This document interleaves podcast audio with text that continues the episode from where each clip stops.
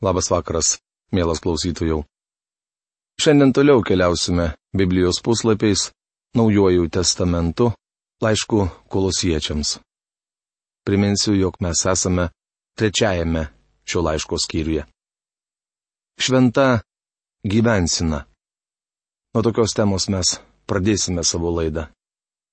Bet pradžioje paprašysime Dievo pagalbos. Tėve, dėkojame tau už galimybę šį vakarą susirinkti ir nukreipti savo žvilgsnius, savo mintis, visus savo jausmus į tave. Dėkojame tau, kad tu padedi atidėti į šalį dalykus, kurie trukdo mums išgirsti tave kalbantį iš šventos knygos.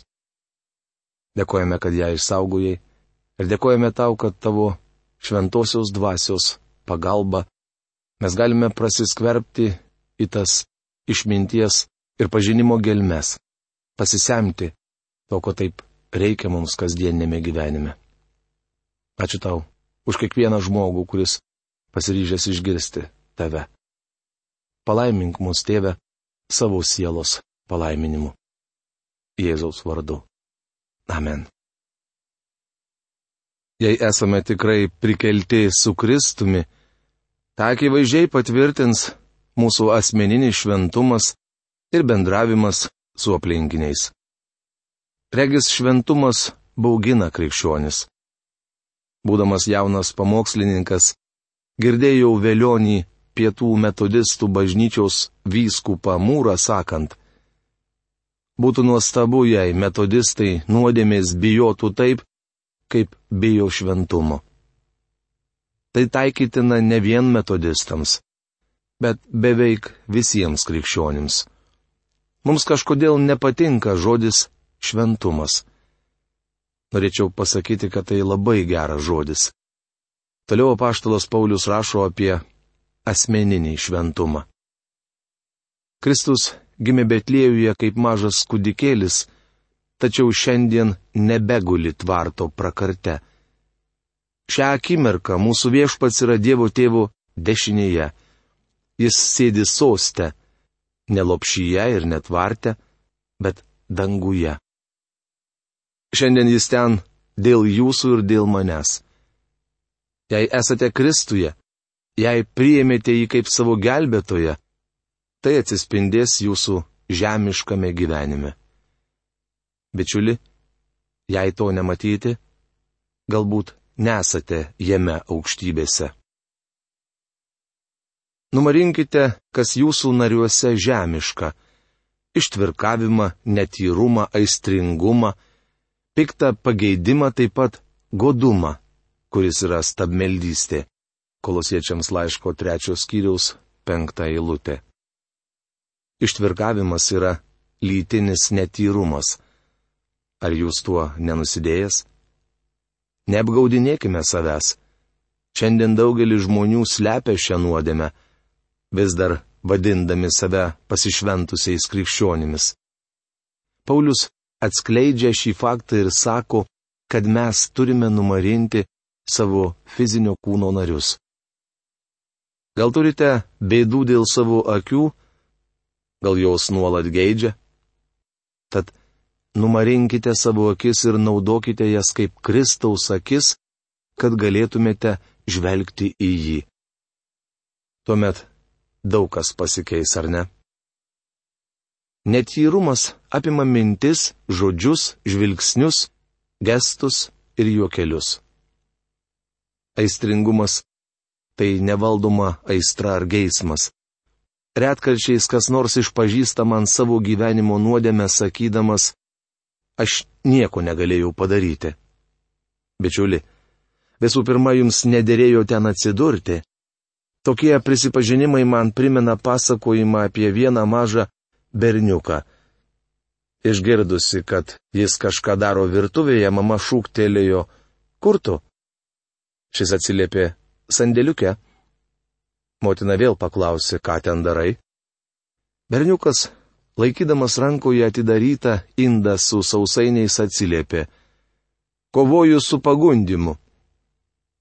Bičiuli, tai netinkama vieta kovoti su pagunda. Nesisukiokite aplink indą su sausainiais, jei jums negalima jų valgyti. Ta pati galima būtų pasakyti ir apie aistringumą. Paulius dar pamini piktą pageidimą. Bičiuli, numarinkite ir jį. Godumą, kuris yra stabmeldystė.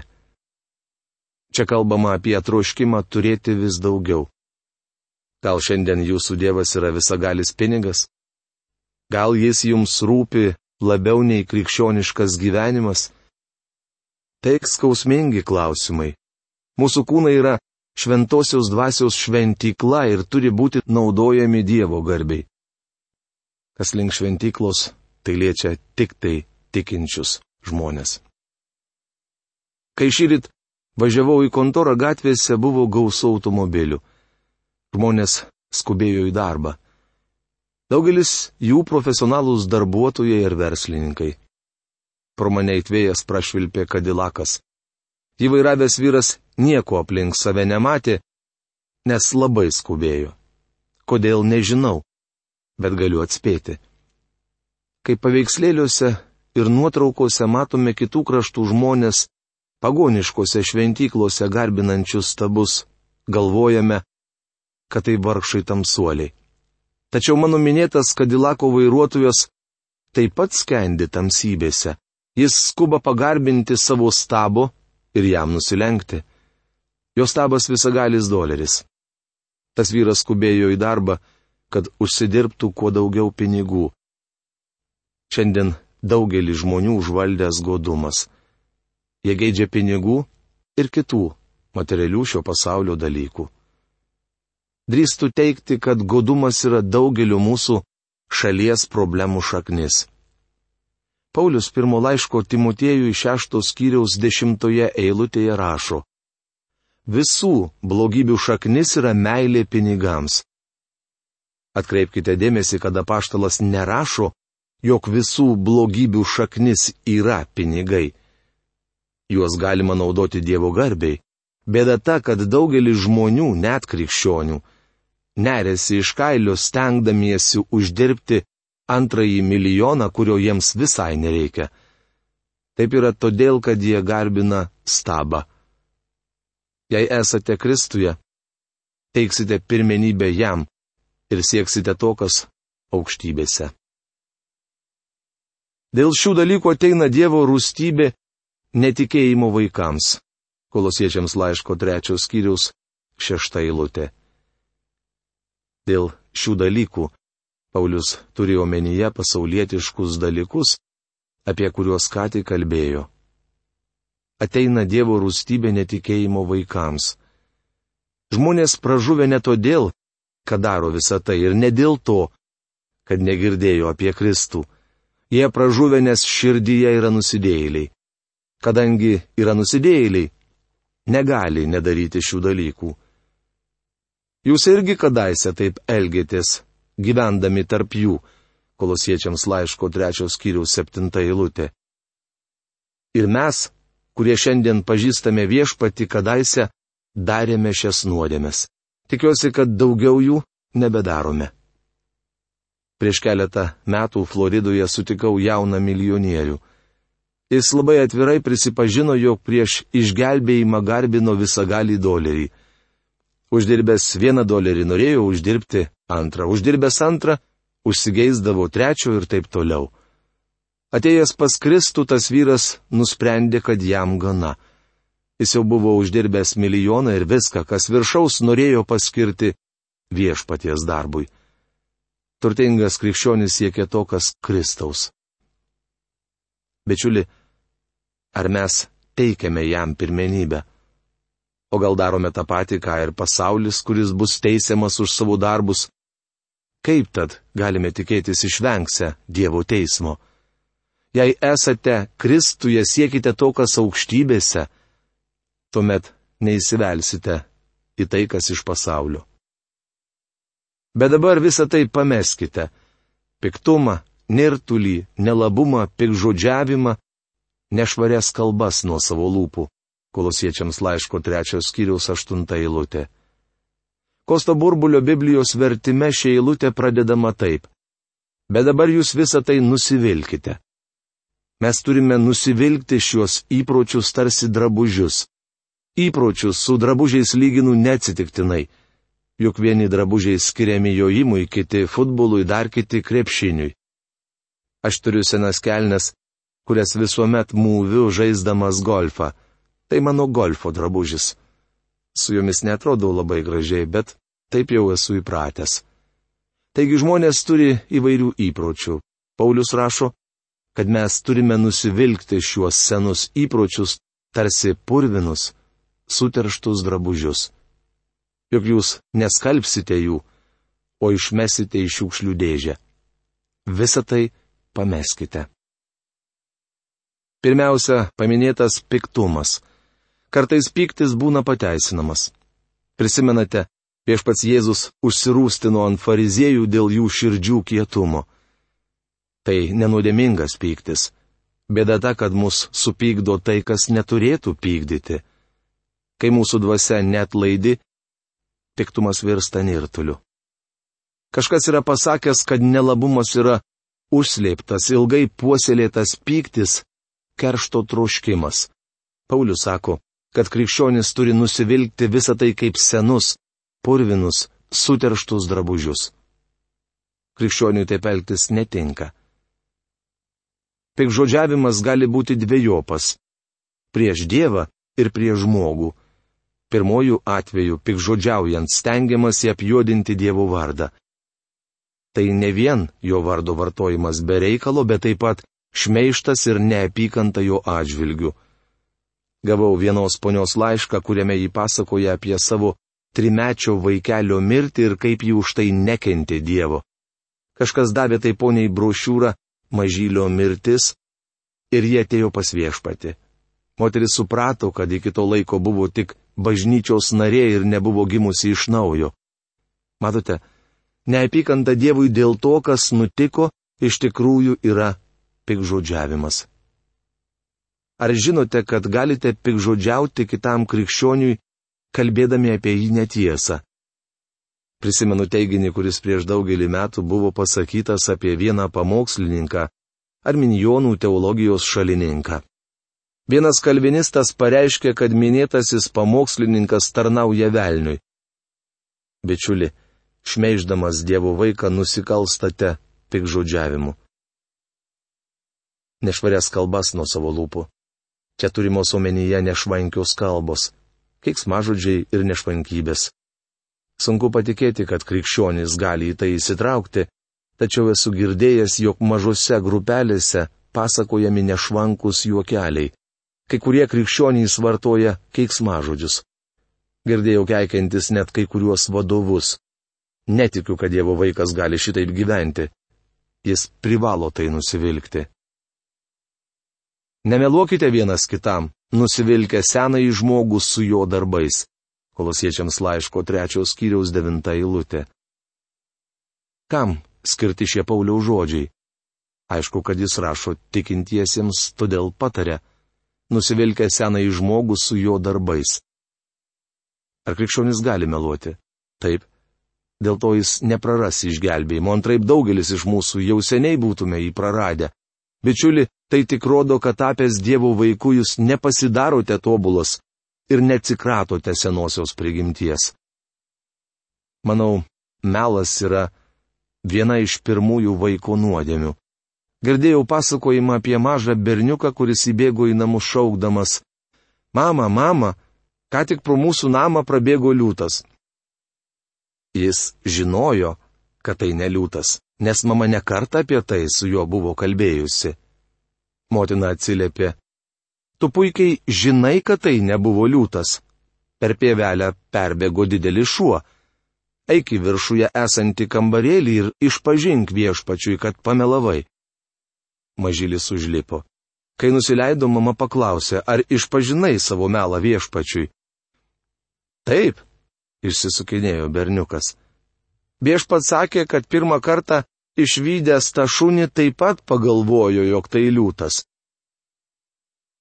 Melas giliai įsišaknyja žmogaus širdyje ir daugelis krikščionių negali jo atsikratyti. Ir apsivilkę naują, kuris atnaujinamas tobulam pažinimui pagal savo kurėjo paveikslą. Kolosiečiams laiško trečios skyriaus dešimta eilutė. Apsivilkę naują žmogų. Nusivilkę seną drabužį, seną žmogų. Apsivilksite naują drabužį, tai yra naują žmogų. Prigimtis negali likti tuščia. Negana nusivilkti, turime gyventi nauju žmogumi šventosios dvasios gale. Mes su jumis turime senąją prigimtį. Kadangi ilgai buvome jos valdžioje, susiformavo tam tikri kalbos ir elgesio įpročiai. Be to turime sudėtinę nervų sistemą, kuri reaguoja kaip yra įpratusi.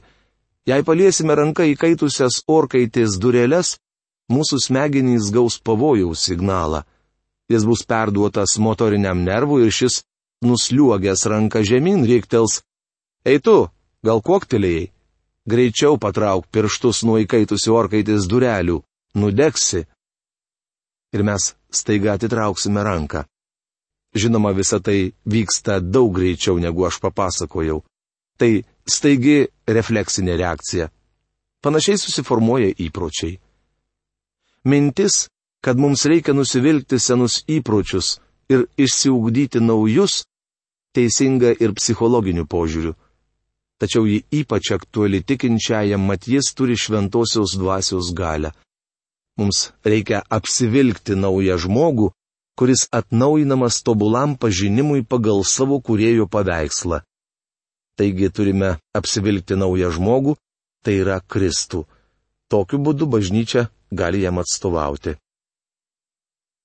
Čia jau nebėra nei graiko, nei žydo, nei apipjaustito, nei neapipjaustito, nėra barbaro, skito, vergo, laisvojo, bet visa ir visuose Kristus. Kolosiečiams laiško trečios skyriaus vienuolikta eilutė. Nei graiko, nei žydo. Bažnyčioje tikinčiųjų kūne nėra nei žydo, nei graiko. Pauliaus dienomis visuomenė buvo skirstoma į žydus ir graikus nei apipjaustyto, nei neapipjaustyto. Čia taip pat kalbama apie religinį susiskirstimą. Nėra nei barbarų, nei skito. Barbarais vadinami pagonys, kurie nebuvo graikai. Skitai tai baisiausi barbarai. Skitija buvo vadinamas regionas į šiaurę nuo Jodosios ir Kaspijos jūrų. Tenykščiai gyventojai buvo be nežiauriausi iš visų barbarų.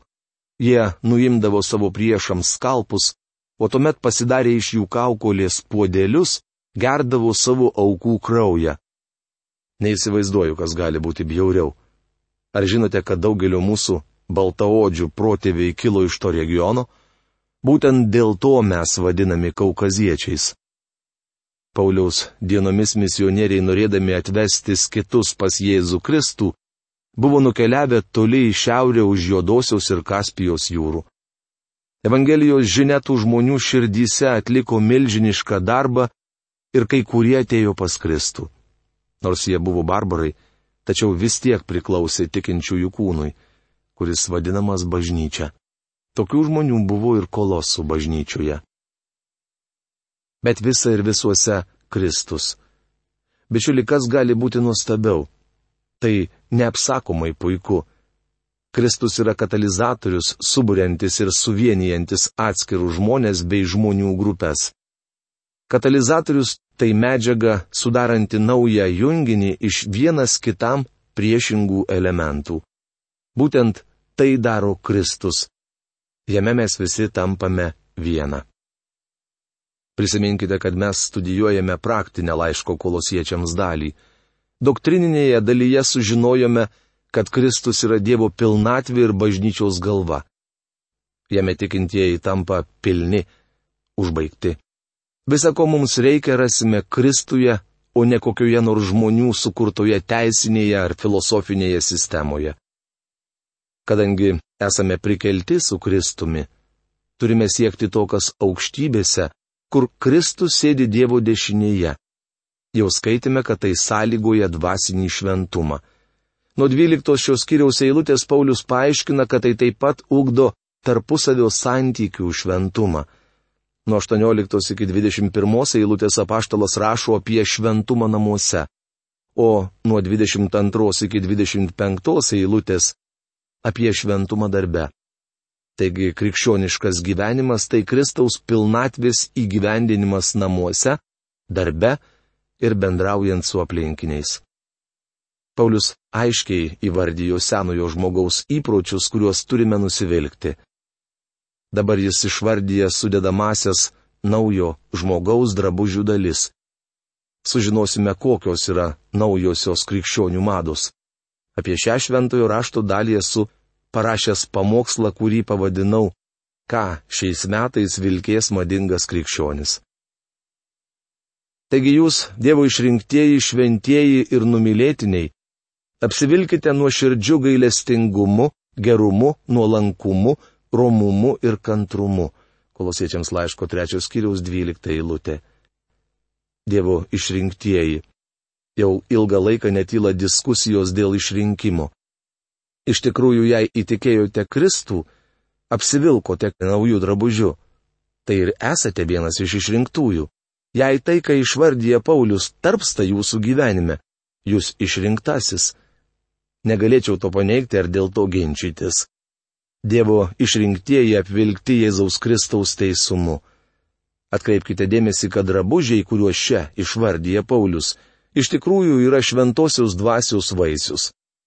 Mes patys šių dalykų savo gyvenime išsiugdyti negalime. Mąstydami apie didį pašaukimą, kurį turime jame, privalome nepamiršti, jog savyje neturime galius. Mes silpni ir bejėgiai, nepajėgus apsivilkti šių vaisių. Esame tokioje pat padėtyje kaip ir nuotaka iš giesmių giesmės. Ji buvo pabučiuota taikos ženklan. Dievas sutaikintas, jis pabučiavo mus bičiulį ir atleido mums Kristuje mūsų nuodėmes. Tai nuostabu. Tačiau, būdami Dievo vaikai, mes vis dar nusidedame. Tuomet galime prisiminti istoriją apie sūnų palaidūną, kuris susijėmė savo palikimo dalį iškeliavo į tolimą šalį. Ten palaidai gyvendamas išeikvojo savo turtą. Kai grįžo namo, tėvas pamatė sūnų iš tolo, pribėgo ir puolė jam ant kaklo. Ką dar jis padarė? Pabučiavo sūnų. Tai atleidimo būčinys, kurį Dievas siunčia savo vaikams. Mūsų padėtis tokia pat kaip nuotakos, kuris Saliamono giesmėje sako, trauk mane, trauk mane. Negaliu pats pasiekti tos padėties, kurią turiu Kristuje. Tai pranoksta mano galimybės. Taigi mums su jumis reikia pasikliauti juo, o tai jau šventosios dvasios darbas. Ji įgalina mus gyventi dvasia. Dievo dvasia. Nuoširdžiu gailestingumu reiškia gailestinga širdimi. Šiandieninis pasaulis beširdis, abejingas ir mechaniškas. Regis daugeliu atveju aš esu tik vienetas. Pavyzdžiui, mokesčius skaičiuoja kompiuteris. Negaliu pasakyti tai mašinai, kaip jaučiuosi. Negaliu paaiškinti, kad aš ar jį suklydome. Ji atsiunčia man sąskaitą, o aš ją apmoku. Panašiai yra banke. Bankas beširdis kaip ir kompiuteris. Tiesą sakant, kompiuteris ir yra banko širdis. Kadangi sirgau vėžių, buvau priverstas nuolat konsultuotis su gydytoju. Mano gydytojas labai nuostabus ir rūpestingas, tačiau kai buvau atvežtas į ligoninės priimamąjį, mane pasitiko keistas daktaras. Jam aš buvau tik berniukas, kuriam sopa pilva. Jis visai nelaikė mane žmogumi. Paulius sako, kad mes tikintieji aplinkiniams turėtume būti gailestingi. Gerumas, kurį toliau pamini Paulius, sėtinas su naudingumu. Apaštalas nori pasakyti, kad mes turime padėti kitiems. Gerumą apibūdina ir kitas graikiškas žodis turintis griežtumo atspalvį. Galima būti geram, bet griežtam. Pavyzdžiui, aš griežtai sakau savo vaikaičiui, nedaryk to ar ano. Tačiau šiame laiške apaštalos Paulius rašo apie švelnų gerumą. Nuolankumas yra romumas. Jau nekartą pabrėžiau, kad romumas nereiškia silpnumo.